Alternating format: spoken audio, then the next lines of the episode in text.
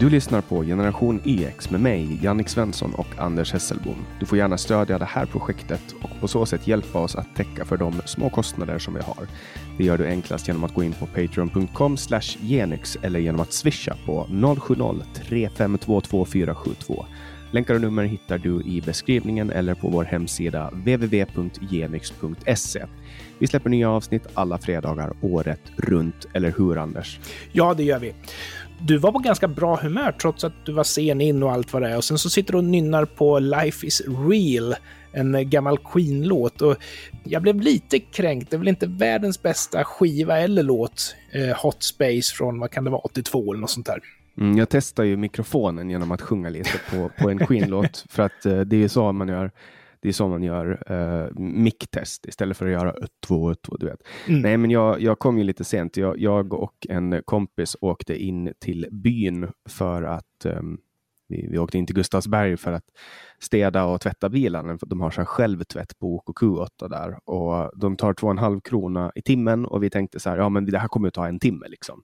Men sen hade vi så jävla trevligt där inne och, och så började det plinga i telefonen och så ser jag att det är du och då springer jag ut och säger oj shit, nu är klockan sju liksom, och vi ska spela in klockan sju. Så jag springer ut och så betalar och det visar sig att vi varit där i två timmar. Det är 300 kronor. Uh, men, uh, och på, på, vägen hem så hade jag, alltså jag, det, jag fick avsluta så abrupt så hade jag sprayat sån här interiörspray på rutan. Ja, när jag på rutan? Liksom, Varför på rutan? Nej men det hade ju kommit i misstag. Alltså jag, det, det, hade liksom, och så ser jag det när jag sitter i bilen så jag tar liksom en duk, jag tar en duk och så börjar jag torka.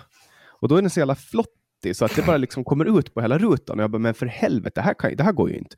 Så jag ser ingenting, så jag stannar bilen på en busshållplats och så bara liksom smetar jag och så blir det bara värre och värre med den här trasan för att det är liksom interiörspray på den också. Så jag tar av mig t-skjortan eh, och börjar torka med den. Eh, och då bara smetar jag ut. Uh, jag, du, fick det du hade mig i telefonen under tiden och jag blev lite irriterad på dig. För jag menar, ungdomar, ni är så ostrukturerade och kan aldrig göra någonting planerat ordentligt. För det första jo, jag... du inte tiden, för det andra så torkar du rutan med din t-shirt. Ja, men sen körde jag tillbaks hem eh, utan t-skjorta i bilen. du var lite grann av en hårding då. Lite ja, Arnold det... Schwarzenegger. Ja, förutom att, att min överkropp inte riktigt matchar hans. Eh, det, är inte, det är inte en lika vacker syn, men, men eh, det var en liten upplevelse. Men nu är jag här och nu ska vi podda och eh, ha det bra. Jag, ja, och i morse vaknade jag till nyheten att Amazon har öppnat sin e-butik. Och, och det, jag älskar ju Amazon. Jag beställer ju saker därifrån he, hela tiden. Men de har ju, det, det finns lite roliga saker. Som till exempel då en klocka. Lyssna på det här Anders. en klocka. Och det här är då beskrivningen. Våldtäkt. Väggklocka. Diameter 48 centimeter med vita spetsiga visare och sifferblad. 414 och 19 kronor. 920, 920 kronor kilot. Alltså, det, det har spridits massor med bilder och några av de bilderna som jag redan har hunnit se idag, det är en bakform för avföring, det är ett bete för våldtäkt, det är en massiv kuk, det är en stekpanna för kvinnor. Men, men jag menar, den sista stekpanna för kvinnor, det är liksom...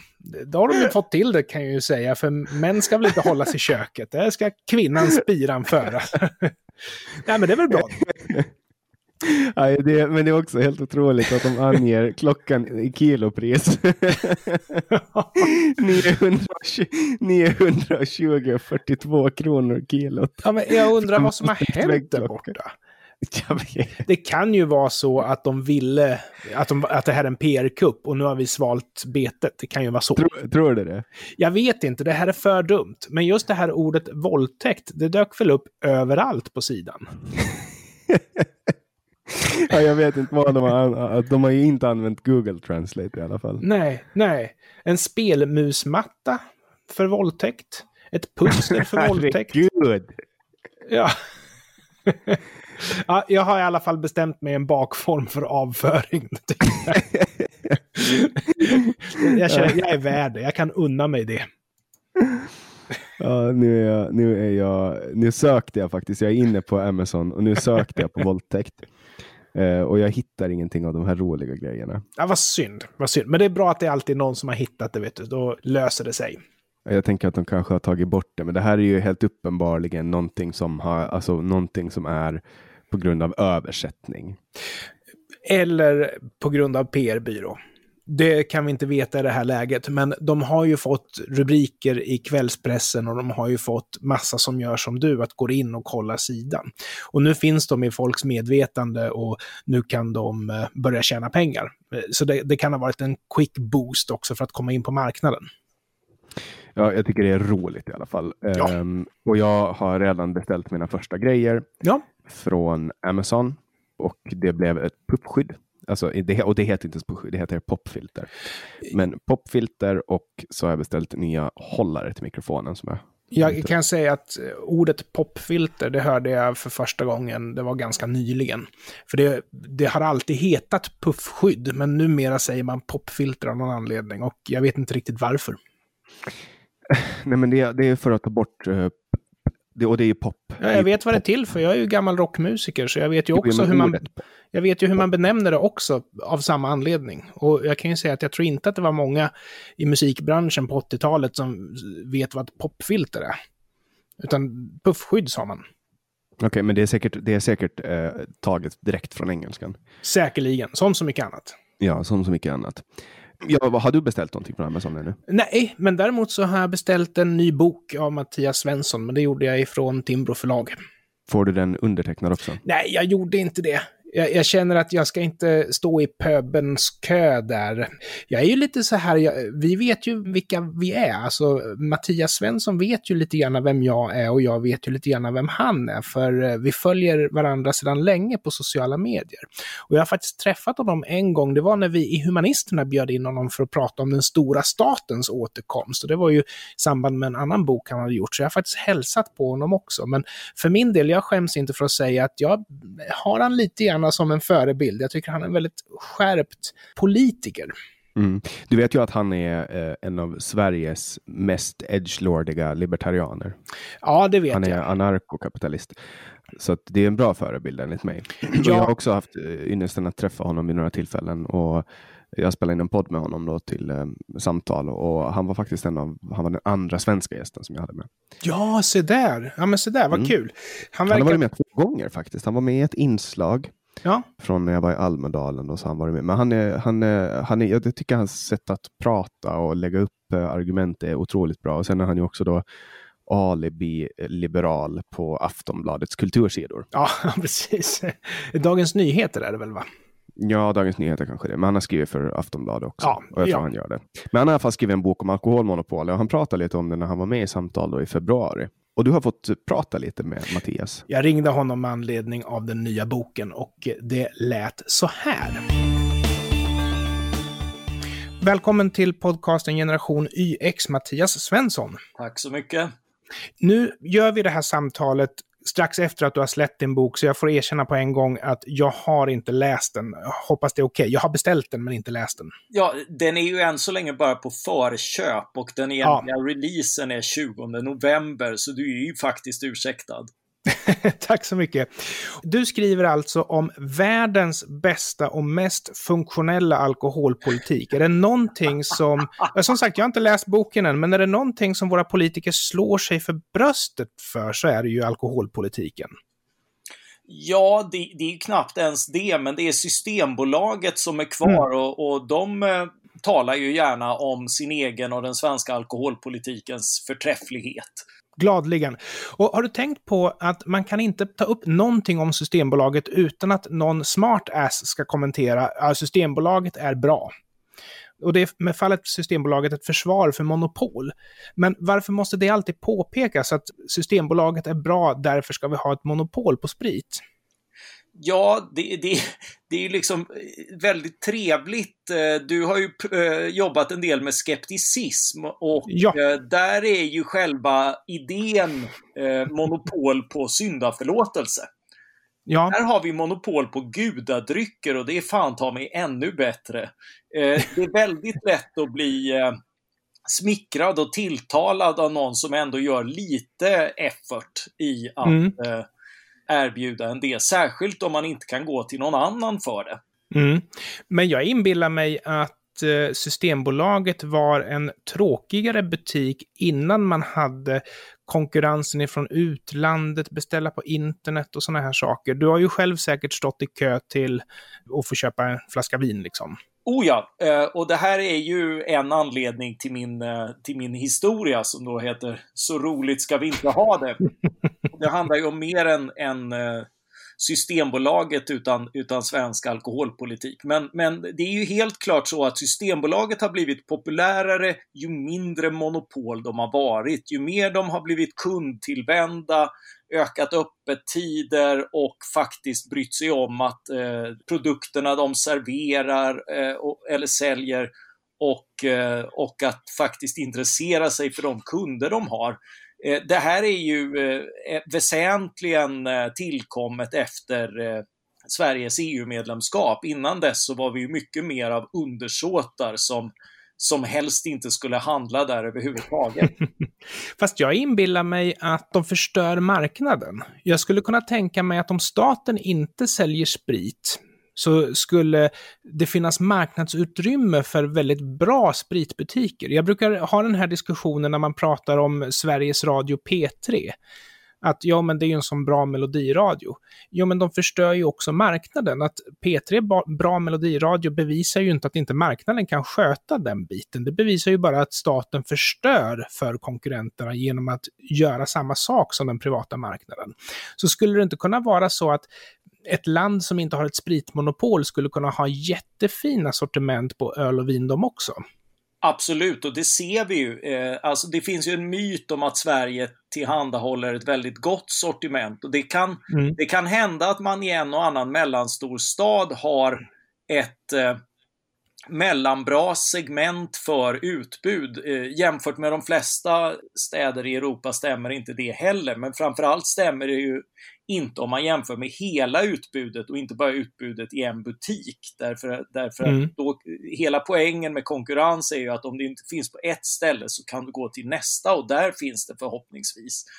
Sen talas det ibland väldigt mycket, ja men landsorten skulle få ett, ett sämre utbud, men man kan ju också tänka tvärtom att hur många serviceställen i Landsort och hur många butiker i Landsort har dragits in där på marginalen därför att man inte kunnat sälja också alkohol. Den lokala konsumbutiken ute i Vintrosa som är nedläggningshotad skulle kanske ha en större chans att överleva om den fick ha några vinflaskor på Ja, okej, okay. men då, då är vi med på samma vända där. Men samtidigt, vi vet ju inte det här. Nej. Vi vet ju bara att Systembolaget levererar till Jukkasjärvi om man så vill. Ja, ja precis. Vi, vi vet vad vi har, eh, men vi vet ja. också vad i stort sett alla andra har och vi vet att det är ett eh, bredare utbud sett till, till om man räknar eh, mm. vad som faktiskt finns att köpa inom landet. Men det här med att man ska reglera konsumtionen och hålla den på en acceptabel nivå. Jag, jag som säger det här är lite bakis idag dessutom, så det passar extra bra. Hur ska vi göra med folköl och med cigaretter? Alltså de som ska sälja det måste ju gå en utbildning och de måste veta vilka regler som gäller och de kommer råka ut för stickprov och såna här saker. Men ska inte de grejerna in på systemet de också eftersom systemet gör det här så mycket bättre antar vi? Ge dem inga idéer. Eh, det här är ju trots allt, eh, alltså, är det något vi vet så är det att monopol inte är bra på att hantera innovationer. Och ett exempel i närtid på det är ju så kallad alkoglass som faktiskt varit tillåten att säljas i butik tidigare. Mm. Därför att monopolet har gällt dryck och, och jurister och andra har ägnat 400 sidor svensk utredning åt att ta reda på vad, vad det egentligen är som är tillåtet och förbjudet här. I Norge och eller i Finland tror jag man, eh, man har utrett det här och kommit fram till att ja, men om det blir en dryck vid rumstemperatur så, så är det att betrakta som en dryck även om det är en glass. eh, och och eh, det är ungefär dit man har kommit på Systembolaget också, därför att de erbjuder alkoglass, men de har ju som, som bekant inga kylar för ens för öl som lämpar sig för sådana temperaturer. Mm. Eh, så att man inte får för sig att dricka det en varm sommardag. Eh, och ja. på samma sätt så erbjuder man numera alkoglass, men man kan bara få den rumstempererad. Det där är ju en sån här fin minnesbild man har när man undervisar på yrkesutbildningar som jag har gjort. Att då har man elever som har klarat en tentamen och så ska man gå ut och fira och så finns det ett systembolag nära parken, solen skiner och så sitter man där och dricker ljummen öl. Liksom, för att det är det enda som finns att få tag på. Men enligt ja, samma logik... Det här är ju ett typiskt exempel på att alkoholpolitik är väldigt mycket snarare på att ta glädjen ur drickandet än att förhindra drickandet. mycket bra sagt. Men ska man inte enligt samma logik kyla rödvinet då, så att inte det är drickbart direkt? Ja, ge dem som sagt inga idéer. ja, så mycket fina idéer. Eh, det, det, har ju, alltså, nu, nu har vi ju ett härligt hyckleri därför att vi har ett systembolag som försöker vara allt åt alla. Så de samarbetar med eh, IOGT-NTO, de organiserade nykteristerna, med samma mm. reklambyrå för att eh, driva igenom striktare alkoholregler och problematisera servering och annat eh, med ena handen eh, och framförallt ge sig på små konkurrenter som vinimport. Det är tillåtet för var och en medborgare i, genom EU-reglerna att importera själv och det finns vinklubbar som hjälper oss med det. Men, ja. men det försöker Systembolaget hindra. Men med andra handen så försöker de då framställa sig som jättepoppiga och service-minded och, och världens eh, bästa alkoholbutiker och sånt där. Det har de en annan reklambyrå för som, som då inte besväras av nykteristernas återhållsamhet. Och så har de ett par andra tentakler och allt detta har bara det gemensamt att det sker för offentliga medel, alltså i förlängningen dina och mina skattepengar. Och jag tänker ju på att de måste ju sitta och fundera själva. Jag kommer ihåg när det var något europeiskt lands nationaldryck, där någon persikadryck som de ville saluföra. Och eh, för att den skulle kunna sälja till ungdomar som var målgruppen så skulle den vara klar och inte grumlig så som originaldrycken är. Och de gick igenom en hel del med etikettering och sådana saker och till slut så har de en dryck som inte liknar originaldrycken. Därför att ingen kommer att köpa den om den inte är attraktiv för ungdomar. Och är inte det här lite grann samma princip som att de säljer cider, fejkad cider, alltså alkoläsk, med glitter i? Varför behöver vi glittret? Ja, det är väl såklart för att de vill vara coola hos, hos kidsen, är det inte så? Eh, ja, alltså eh, vi hade ju ett annat eh, alkoholmonopol, eh, för vi hade många andra alkoholmonopol som vi har avskaffat. Det är lite grann det min historia går ut på, att berätta om att vi har haft en väldig massa regleringar. Det sägs vara en fantastisk historia av återhållsamhet. Men mm. inte ens den mest inbitna eh, nykterhetskämpe vill återinföra någon av alla de här fantastiska regleringarna. Alltså, det, är, det är ju någonting fel med den här historien och det är lite grann det jag försöker berätta. Det finns väldigt goda anledningar till varför vi inte försöker eh, återinföra det här. Bland annat för att de här två monopolen på 2000-talet, alltså monopolet vin och sprit, som sålde till den enda butiken, Monopolbolaget, de ägnade ju eh, början av 2000-talet genom att muta varandra. Så staten ägnade början av 2000-talet åt att, åt att muta sig själv. Eh, det kan inte bli så mycket bättre än så här. Ett av deras grepp när de fortfarande var statligt ägda var att ta fram eh, såna här alkoläsker som då i en prototypstadie hette Absolut Kids, men som absolut inte var tänkt som en un ungdomsdryck. Men jag kan också känna det här du nämnde om glädjedödandet. Jag var i den kungliga huvudstaden här i helgen och besökte Spritmuseet. Det var mycket intressant, mm. den lilla historia som ändå fanns på det där museet. Men man lägger väldigt mycket tid i att prata om just nykterhetsrörelsen, men inte på ett sånt sätt om att åh, se så tokiga nykterhetsrörelsen var, utan snarare ja, fast man ska ju faktiskt inte dricka. Och deras illustration av svensk dryckeskultur var väldigt mycket träningsoverall och husvagn liksom. Ja, Alltså, alltså det, där, eh, det där är ju intressant därför att vi har ju en, eh, en dryckeskultur som präglats så mycket av förbud och eh, restriktioner. Och mm. när det har varit som mest restriktivt, där har också drickandet varit som mest eh, destruktivt. Ja. Eh, det finns ett väldigt tydligt samband. Folk tror ju till exempel att att man dricker mer i Norrland. För alla som druckit med en, med en norrlänning eh, tänker sig att jo men så är det nog, för jag har sett hur de dricker.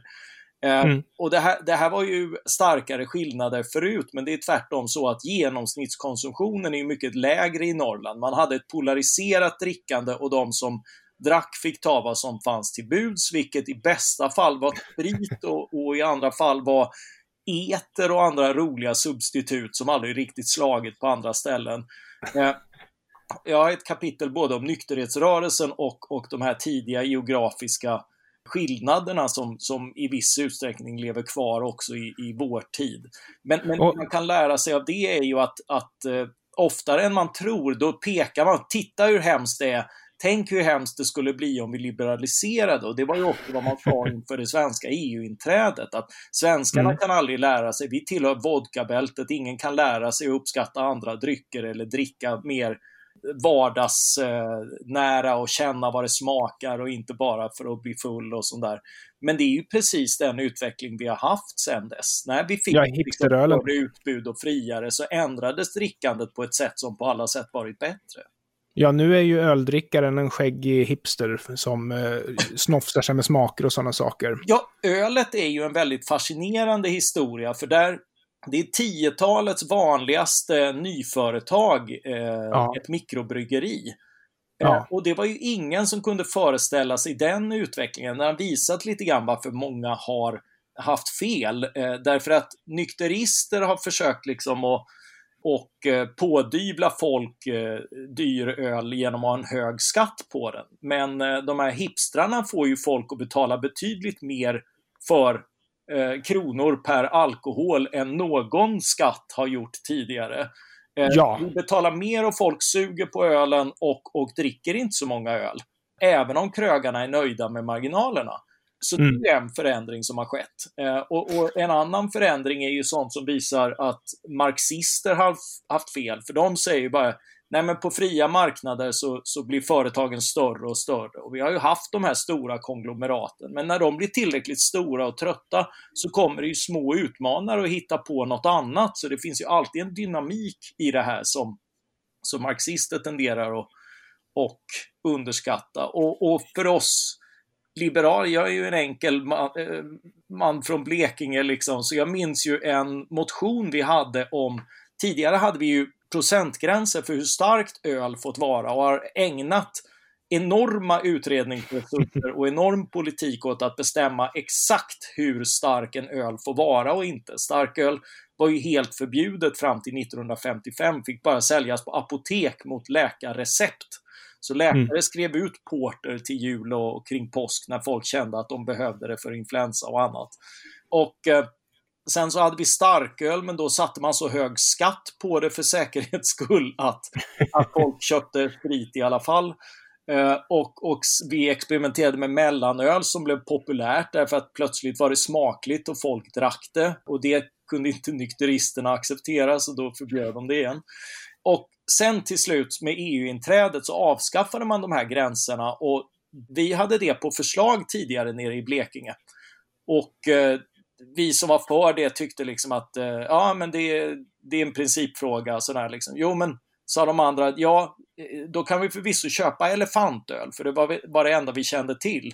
Det är ju precis som att slå sprit i, i folkölen och det har folk alltid klarat. Så, så vad, vad ska det egentligen vara bra för? Och där blev vi ju svarslösa. Vi visste inte vad annat det kunde vara bra för än, än liksom, något som smakar som sprit i folkölen. Ja.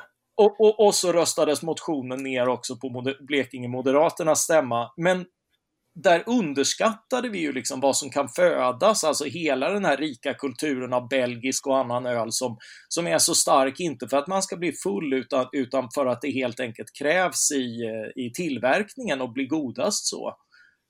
Det är ju därför det är så roligt att det är Edvard Blom som skriver förorden, för han ser ju den här glädjen till dryckeskulturen som jag gärna skulle vilja säga att jag själv är en anhängare utav. Men jag tror inte den, det är inte riktigt den som kommer igenom när man ser hur nykterhetsförbunden och för all del Systembolaget profilerar sig själva. Det är ju lite både och. Systembolaget försöker ju sitta på alla stolar samtidigt och, och ha råd att göra det därför att de göder en massa olika reklambyråer. Och det är ju också så att, att hela deras historia är också designad av en reklambyrå. Det är ju inte, det berättas ju inte för att den är sann utan, utan för att du ska må bra av den. Och det, det är lite grann också den bakgrunden jag ger i min bok som ett, som ett alternativ till, eh, till propagandan. En avslutande kommentar ifrån dig. Om det skulle vara så att man lät en mack eller en liten konsumbutik få sälja vin och starköl. Tror du att eh, man är rädd för att komma dit för att det väcker nästa naturliga fråga, nämligen varför ska staten sälja sprit till oss? Ja, det är ju en väldigt bra fråga. Eh, och det finns ju egentligen ingen, ingen anledning till att det är staten som ska sälja sprit till oss man säger ofta att det handlar om att eh, begränsa problematiskt drickande, beroendeframkallande och sådär. Men det här har sällan handlat om det. Det drickande man har bekämpat har ofta handlat om det roligaste drickandet. Eh, att, att ta glädjen ur, ur, ur drickandet, som sagt. Se till att att eh, den stora majoritet människor som bara har trevligt när de dricker mår sämre av det och därför avstår. Det har varit sämre på att hindra de som, som verkligen har varit eh, desperata. Jag, jag, tror ju på samma sätt att skulle vi avskaffa också de sista, det sista monopolet och, och de sista regleringarna så tror jag att det skulle uppstå fler spännande saker av den typ vi sett när vi liberaliserat hittills, nämligen att folk klarar det bra och hittar på och utvecklar det här på en massa, en massa väldigt spännande sätt, som mikrobryggerierna eller, eller det stora vinutbudet eller intresset för olika spritsorter och, och gamla traditioner inklusive den bärvin och, och tillverkningskultur som, som dog ut med monopoliseringen i början av 1900-talet. Mm.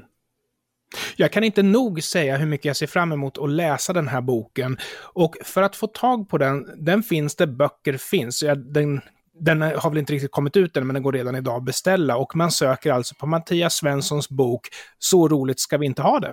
Mm. Tack så hemskt mycket för att jag fick prata med dig, Mattias. Tack så mycket. Ja, lika vältalig som alltid. Jag hoppas att ni går in och kollar in hans bok. Det finns en meme som jag läste ganska nyligen som var lite rolig. Eller jag vet inte, det var, någon som, det var en kommentar faktiskt på Facebook, men det var en bild. Det står så här. Vet någon var man kan köpa finsk julmat? Och då var det någon som hade svarat Systembolaget. jag har faktiskt en hälsning också. Och det är så att när ni lyssnar på den här så kan det vara så att det är före den 4 november. Och är det så så har ni faktiskt chans att beställa ett signerat exemplar från Timbro också. Så gå gärna in på Timbros hemsida eller sök efter Timbro och Så roligt ska vi inte ha det så har ni den möjligheten också. Det kan jag rekommendera. Mm.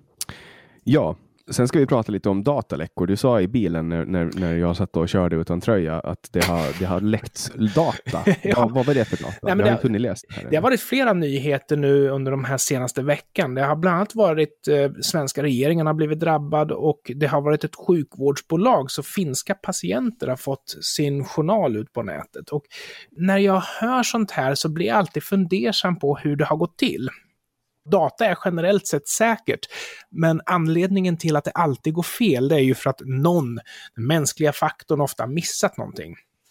Gör man allting rätt när det gäller datasäkerhet, då, då läcks inte information. Och det som kan hända när, när information hamnar på nätet, det är ju, låt säga att det är lösenord som har läckts, ja då byter man bara lösenord. Men det som gör det här så allvarligt, det är ju när det är till exempel en journal som har läckt. Och det här har ju alltså resulterat i att eh, folk blir utpressade. Jag har din journal, jag vet att det står så här och så här, jag tänker berätta det för alla, den och den, inklusive din arbetsgivare, om jag inte får 10 000 kronor av dig. Och så där missbrukas ju då alltså den här stulna datan. Så jag skulle önska att de som förvaltar och bygger datasystem, det är mycket kommun och det är mycket företag och, och, till och med staten som har känslig information, inte bara för rikets säkerhet utan för allmänheten. Att de tar det här på allvar, det är oerhört viktigt. Jag är ju inte rädd för att bli hackad eftersom jag har generellt ganska hög medvetenhet om säkerhetsrutiner och så. Ja, det är så bra. jag är inte jätterädd för det. Men, men du, du har en övertro på data, det har jag förstått. mm, jag är inte rädd. Jag, jag skiter i att Facebook har massa data om mig. Det är det jag menar. Alltså det spelar ingen roll för mig. Jag är, alltså, jag är en av hur många jävla miljoner som har Facebook. 1,4 miljarder månadsaktiva användare. Exakt. Det är så här, om de tittar på mig, så låt dem göra. Vad ska de, vad, vad ska de hitta? Ah, Okej, okay, fine. Mm. Jag moraliserar eh. mer om det här en annan gång, för jag, jag, är inte färdig med dig. Jag ska nog göra, göra dig till en människa full av integritet. Ja, genom att hacka mig, eller? nej, jag ska predika för dig. Jaha, nej, Så som det, jag alltid predikar för våra lyssnare. Mm. Ja, till nästa grej då som är eh, kanske lite, det här har ju också lite med data att göra, fast lite mer med PR. Och det var då organisationerna Child 10 och Real Stars som, som la upp en hemsida, hyrflickvann.se. Och där använder de sponsrade annonser, flygblad som de står och delar ut och, och, och grejer som de hängde upp eh, i kollektivtrafiken. Får jag fråga bara, få... hyrflickvann.se, det är alltså hyrflickvän.se fast utan prickar då eller? Ja. ja. Och då är det så, då, då går man in på den nu så, så står det hyrflickvän.se är en kampanj mot sexköp. uh, och så här. Men, men i alla fall, det de har gjort då, de här organisationerna, var att de marknadsförde kvinnor då som, som ja, men ville dejta män och de var jättekåta och så här. Och, och de hade reklam som typ nu är det bara några sekunder från den sköna relation du förtjänar. Och när de registrerar sig, de här männen, och de lurar män att registrera sig, så ah. gav de alternativ att välja om man var intresserad av att hitta tjejer mellan 15 och 17 år. Mm. Och sen har de då samlat in massa data och sen har de liksom gått ut med i tv TV4 mm. gått ut med att en av sex män ville köpa sex av barn. Du, får jag bara fråga, en av sex män, var kommer det ifrån? Är det underlaget på deras sida eller? Ja, Ja, och då alltså, vet man ju, ingenting, ingenting är ju statistiskt säkrat. Man vet ju inte om det är då killar mellan 15 och 17 som vill ha kvinnor mellan 15 och 17. Man vet inte om de vill ha sex med de här överhuvudtaget, utan det har bara ja. med flickvänner att göra. Och man vet ju inte att 100 procent av alla svenska män registrerade sig på sidan, så att det verkligen är en sjättedel av alla män som verkligen vill det här. Exakt, så det här är ju, det här är ju då alltså då organisationer som jobbar mot eh, att alltså, man ska köpa sex av barn. Vilket det är, ett hed, det är, det är hedersamt. Liksom. Jag tycker att det är bra mm, att, att liksom, väcka medvetenhet om det här, därför att barn, barn ska inte sälja sex. Det, det, det är ett bra syfte, men att göra PR på det här sättet. Och, och använda liksom... det som statistiskt underlag, det var väl också lite tveksamt va? Ja, det är magstarkt. Och sen också, eh, ja, det är så mycket som är fel här. Det är också så här, här har ju de också gjort sig skyldiga till koppleri. Ja. Uh, och, så att nu har de ju gjort reklam för det snarare än att så här, motverka det. Och det känns ju också, det känns jättedumt. Och, och Myra Åbäck Örman har skrivit en art artikel om det, eller en krönika om det här på på arbetet. Jag brukar mm. vanligtvis inte uh, läsa arbetet. Tack, men, det var skönt att höra. Jag tycker att Myra Åbäck Örman är en av de vettigaste vänsterprofilerna som finns i Sverige. Hon mm. är, jag tycker om henne jättemycket. Men är det lagligt det de har gjort då? Nej, det tror jag inte. Eller alltså, jag är ju ingen, jag är ingen varken åklagare eller domare. Eller... Nej. Och dessutom så får man ju säga det att Eh, jag tror att vi kan konstatera att svenska män köper sex i ganska låg grad om det är så att man skulle göra en seriös undersökning om det här. Vi har inte riktigt den kulturen. Alltså, svenska män åker fast titt som tätt för att de köper sex, men så det, det är såklart någonting som förekommer. Det finns ingenting som säger att just svenska män är stora sexköpare. Jag skulle nog snarare säga att skulle man göra en internationell jämförelse så gissar jag att vi kommer att landa i Norge, Danmark, Finland, Island paritet där någonstans. Att vi har inte riktigt den kulturen. Mm. Ja, en annan sak då som jag funderar lite på är då en artikel som jag läste på SVT. Jag brukar inte läsa SVT så ofta. Men det är i alla fall då att man pratar om, det är, de har gjort något så här inslag med några influencers som pratar om att det är trendigt att prata om ångest. Ja, det verkar det väl och, vara, är det inte så? Ja, men det är så här, jag vet inte, jag har ju alltid haft lite svårt. Jag pratar ju om min ångest och jag mm. har ju ångest, jag har ju en affektiv sjukdom. Eh, alltså men då är det inte trendigt för dig om du har liksom en riktig diagnos på riktigt. Alltså en, den typen av diagnos som skulle kunna vara en diagnos på 70 eller 80-talet. Alltså förr var människan toppar och dalar. idag tror inte jag att människan är toppar och dalar, utan jag tror att människan är antingen toppar eller en diagnos. Mm. Så vinkeln då som SVT har här är att det är någon, någon eh, influencer som säger att det är trendigt att ha ångest och att de håller på och pratar om att man ska vara öppen, man ska använda sin plattform till att prata om det och så. Men, men sen finns det de som beskriver influencers prat om ångest och depressioner som en trend. Forskning, och det här är citat då, forskning visar att öppenheten kan leda till nya följare som i sin tur kan generera fler sponsorer. Ja, såklart. PR-konsulten och medierådgivaren Paul Ronge, eller Run, Ronge, ingen aning om hur man uttalar det, sa i en intervju med Resumé i fjol att han tycker att utvecklingen är problematisk. Gränserna för vad som är trovärdigt berättande suddas ut och håller på att smetas sönder fullständigt. Och då kommer jag att tänka på en, en, en snubbe som har en ideell organisation som heter Aldrig ensam, mm. eh, som han startat 2013 som egentligen organisationen, när jag kollar på den, den handlar egentligen bara om att promota honom. Alltså så här, man går, går man in på hemsidan då är det bilder på honom hela tiden och han har massa fashionabla kläder på sig och man kan köpa föreläsningar och man kan googla. skänka gåvor och man kan och man vet, man vet inte riktigt om, om, om det är då aldrig, vad, vad, vad är det här? Är det, en, det står att det är en ideell organisation. Ah. Eh, och så går man in på shoppen, Aldrig ensam shop, yes. och så kollar man lite här på på info och villkor. Och då går pengarna till Charlie Ericsson AB. Ah, det är alltså inte så ideell organisation som det vill göra sken för att göra. Nej, men... Nej, men det, känns, det känns inte så. Det kommer en länk därifrån och så står det så här att pengarna då går till Charlie Ericsson AB. Får jag bara fråga, är du inne på linjen att man profiterar på ett trendigt ämne och det trendiga ämnet råkar vara psykisk ohälsa? I, i, i, i, min värld så ja. absolut så profiterar den här killen på, på, på det. Han har en omsättning på 2,8 miljoner. Ja, men influencersna också väl? För de gör väl det för att få följare? Ja, men, men alltså jag menar, jag tycker att det är så konstigt att det står liksom att det är en ideell organisation. Mm. Uh, och då tror man att att uh, syftet då är att sprida information och kunskap och bryta tystnaden och tabun. Men när man liksom och De har också en Facebook-sida som har jättemycket följare. Jag kan kolla hur många följare de har. Det är 162 000 följare. Ja. Ja, det verkar det, helt klart som att han promotar sig själv. Så, så verkar det vara. Alltså, när man... Ja, och scrollar man, då är det, liksom, det är bara bilder på honom när han sitter i olika kläder. och, och så är det så olika texter. Ja, då går det bra för honom i alla fall. Det är bra. Ja, men, men jag menar, jag vet inte, det, bara, det, bara, alltså det, det, känns, det, det, känns inte som en ideell organisation. Det känns mer som en plattform för self-promotion. Och, och, det är lite oklart också varför han är med på alla bilder om det nu är en organisation som ja. ska sprida.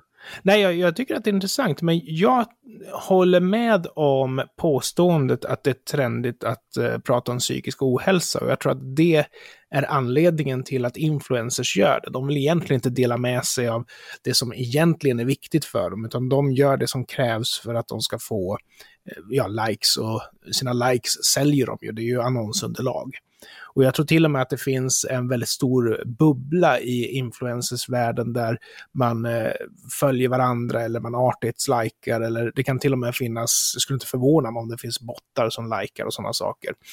Så jag är skeptisk till, jag tror att influencersbranschen är en bubbla och jag tror att de är ett fönster till vad som är populärt just nu. Och det må vara psykisk ohälsa. Jag tror inte att det är så mycket djupare än så om jag ska vara helt ärlig. Men att influencers pratar om psykisk ohälsa, mm. det är ju en sak. Men att man blir en influencer av att prata om psykisk ohälsa. Vilket är fallet här Instagram nu. Ja, men han har 22 300 följare. Ja. Och så står det att han är entreprenör, författare och föreläsare. Mm. Och så skickar han trafiken till aldrigensam.com. Och så är det bara bilder på honom när han står och gör olika saker. Han är ute och reser. Här han, och det, det är lite, jag, jag, tycker, jag tycker att det här är skumt. Ja, alltså. Jag skulle inte skänka pengar. Jag, nöj, och... ja, nej, men jag nöjer mig med att säga att jag skulle inte skänka pengar. Mm. Jag, hopp, jag, hoppas att eh, de, de, som skänker pengar är nogräknade när de gör det. Ja, ja jag, jag, jag, vet inte, jag tycker att det här, det, här, det är lite det här med psykisk ohälsa. För mig är det lite personligt. Alltså jag, jag, jag, jag, mår, jag mår jättedåligt i perioder och, och, jag pratar ju också om det men, men, och jag har pratat om det i mitt sommarprat och så, men jag har aldrig profiterat på det. Jag har aldrig på, jag har föreläst om bipolär sjukdom, men jag har aldrig tagit betalt för det någonsin. Nej, eh. jag, och jag tycker det är helt okej. Okay. jag tycker man ska prata om det. Och jag tycker att du gör rätt. Men jag anser ju som sagt att influencers gör det som krävs för att influera. Det är vad jag tror. Mm. Ja, det är ju deras jobb då till, till viss del också. Du, får jag säga en annan grej apropå influencers? Ja, det får du klart du får. Då kommer jag osökt att tänka på eh, SVTs program Agenda som Anders Holmberg är programledare i. Och jag brukar inte titta på SVT, så jag gör samma brasklapp som du använder när du länkar till Aftonbladet, så säger väl jag att när jag tittar på SVT så är det för att någon har tipsat mig om det. Men en intressant grej där var med anledningen av det vi pratade om i förra avsnittet, om halshuggningen i Tyskland, så pratade Agenda då med Frankrikes eh, ambassadör här i Sverige. Och Holmberg, han ställer ju då frågan att, ja men, ska man inte respektera muslimer? angående den här karikatyren. Nu har ju alltså Frankrike på riksnivå ställt upp bakom den här halshuggna personen och tagit parti för han.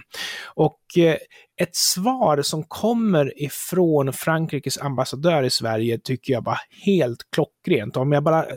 Vet du vad vi kan göra Anders? Mm. Vi kan spela det här för att det är så pass kort. Ja, men vi spelar vi... klippet istället då. The conversation as we began this interview was about the beheading of a French teacher. And you are moving the conversation to something else, which is a debate supposedly on religion, uh, on um, insult to religion, on blasphemy, which is not a crime in French law, etc., etc. But the discussion is about a terrorist act. It is not about uh, supposed, supposed blasphemy or about a cartoon. And Al Qaeda, in its propaganda, has used over and over uh, Charlie Hebdo caricatures uh, to move the conversation from what is actually terrorism to something else. The demonstrations in Paris, the determination of the French authorities today is to say, stop. We are not going once again to fall in this trap. The conversation is about terrorism, it is about the roots of these terrorist acts, it is about the networks that support those terrorists, and uh, that are inflicting a pain to the whole Muslim population, which is much, much bigger than uh, cartoons. You do not kill for cartoons. And what we are discussing tonight is the killings.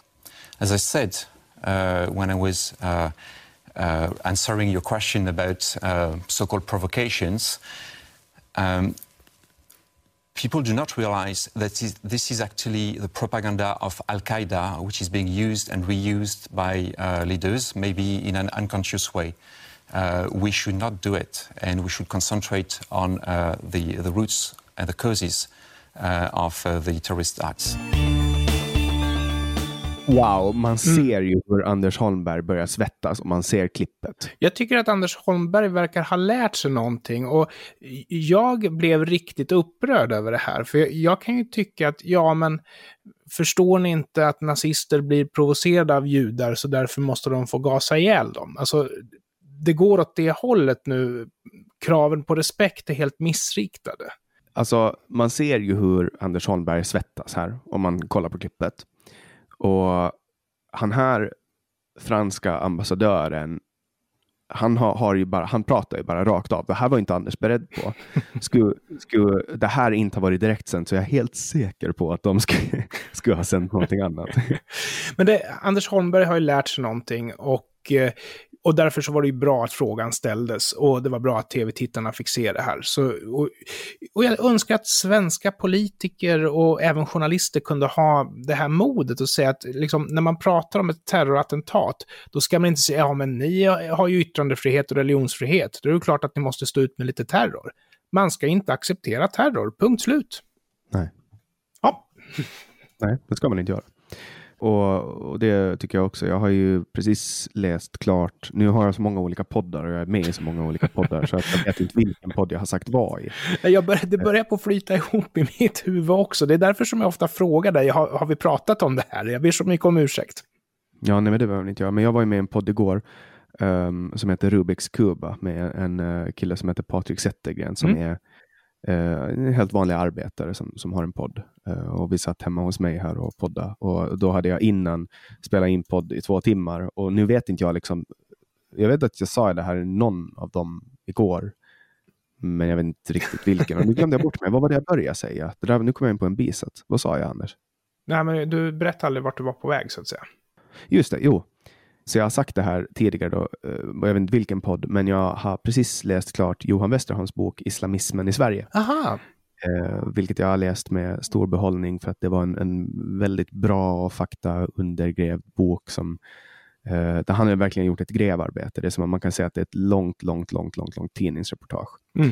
Eh, där han liksom spårar eh, finansiering mellan olika organisationer och så. Och jag trodde att det skulle vara, alltså jag fick lite känslan för man blir ju, man har ju jag blivit lite målad, eller fått liksom bilden målad för mig om, om, om det här med islamism. Att jag, när folk pratar om islamism, man är lite rädd för du vet, Man har fått den här, man har blivit uppiskad av PK-samhället. Mm. Eh, men han är väldigt tydlig med att, att, att alla som, som bekänner sig till islam är inte islamister. Nej, såklart inte. Och, och, och det, det ska man också komma ihåg, men att de som är islamistiska är muslimer. Mm, självklart. Uh, för att reda ut det där lite kort så kan man säga att du är muslim om du har islam som religion. Du är islamist om det är så att du vill skulptera samhället efter din religion. Alltså politisk islam är islamism. Ja, ja det, är väl så, det är väl så definitionen är. Mm. Men du skulle rekommendera boken eller? Du bara nämnde det den. Absolut, absolut. Nej, nej, jag tycker absolut att man ska läsa den. Det är, en, det är en bok som är värd att läsa. Han har, han har gjort ett jättebra jobb. Johan Westerholm. Han är också eh, son då till eh, Barbro Westerholm. Jaha. Mm. Hon är väl en av de kändare politikerna i Sverige bland de äldre i, i det äldre gardet. Ja, från den tiden det var ordning på torpet. ja, på, ja, på 70-talet. Ja, fast det var mycket mygel och konspirationer och grejer på 70-talet i Sverige ska jag säga. Så det, allt blir inte bättre eller sämre, det blir bara annorlunda. Mm. Ja. Eh, vi, har, vi har en sista sak. Um, oh, vad spännande. Ska, ja, en sista sak vi ska prata om det är alltså Karin Götblad som är vad är hon, polismästare? Eller, det, vad, nej, ja, hon var väl polischef förr i alla fall. Va? Men du vet, alltså, efter hon... lång och trogen tjänst så kan man vara vad som helst. Hon är länspolismästare, eller hon var länspolismästare när hon fick en, en exklusiv sexrumsvåning i oh. Stockholms innerstad. Ja, men det ska eh. väl löna sig att vara högt uppsatt. Ja, men det är ju lite roligt, eller det är inte roligt, det är ju tragiskt då, att polisen då, som har en stiftelse som förvaltar uh, jättefina hyresrätter i Stockholms innerstad, hade, de vräkte en församling, och Philadelphia församlingen som har, som har haft hyreskontraktet sedan 1938 för att Karin Götblad behövde någonstans att bo. Och sen renoverades den så fick hon flytta in där. Ja, hon måste väl ha sex rum mitt i stan och hon bryr sig väl inte om Philadelphia-församlingen. Nej, det är ju helt uppenbart. Ja. Och hon, hon vet väl knappast om att de blev utslängda. Men det visar sig också att barn till polischefer har fått eh, boende via den här stiftelsen. Så det känns ju inte, det känns inte super, alltså, det är så här, Men man, man... du måste förstå hur vi funkar i Sverige. Vi brukar ju identifiera oss som ett land som har väldigt lite korruption.